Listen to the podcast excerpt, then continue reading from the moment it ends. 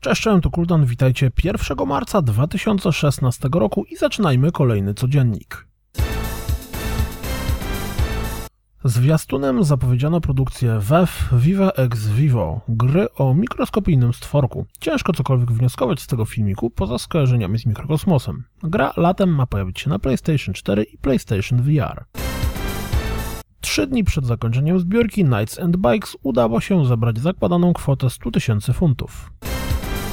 Outlast 2 nie będzie dział się w zamkniętym domu psychiatrycznym, a wyjdzie na zewnątrz. Gra ma być bowiem inspirowana zbiorowym samobójstwem w Jonestown, w którym zginęło ponad 900 osób. Milusio. Zastanawialiście się, co moglibyście zrobić z kosztującym 3000 dolarów deweloperskim wariantem HoloLens? Będziecie mogli zagrać w przygody młodego Konkera, w których będzie chodził po ścianach waszego pokoju i zbierał monety. Nawet nie mam słów. W najbliższy weekend od 18 4 marca do 6 marca odbędzie się otwarty weekend z trybem wieloosobowym w Uncharted 4. 4 marca rozpocznie się również beta nowego Hitmana dla subskrybentów PlayStation Plus.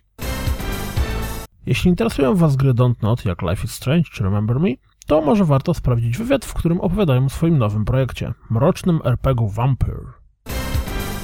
Kasperski, producent oprogramowania broniącego nas przed złośliwym oprogramowaniem, zaprezentował nam mapę cyberataków w czasie rzeczywistym. Od ciekawostka, ale przez chwilę można poczuć się jak w jakimś Deus Exie.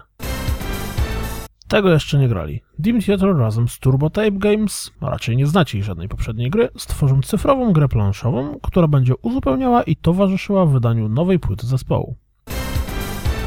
Jeśli całkowicie nie możecie doczekać się Total War Warhammer, to pojawił się kilkunastominutowy gameplay z komentarzem.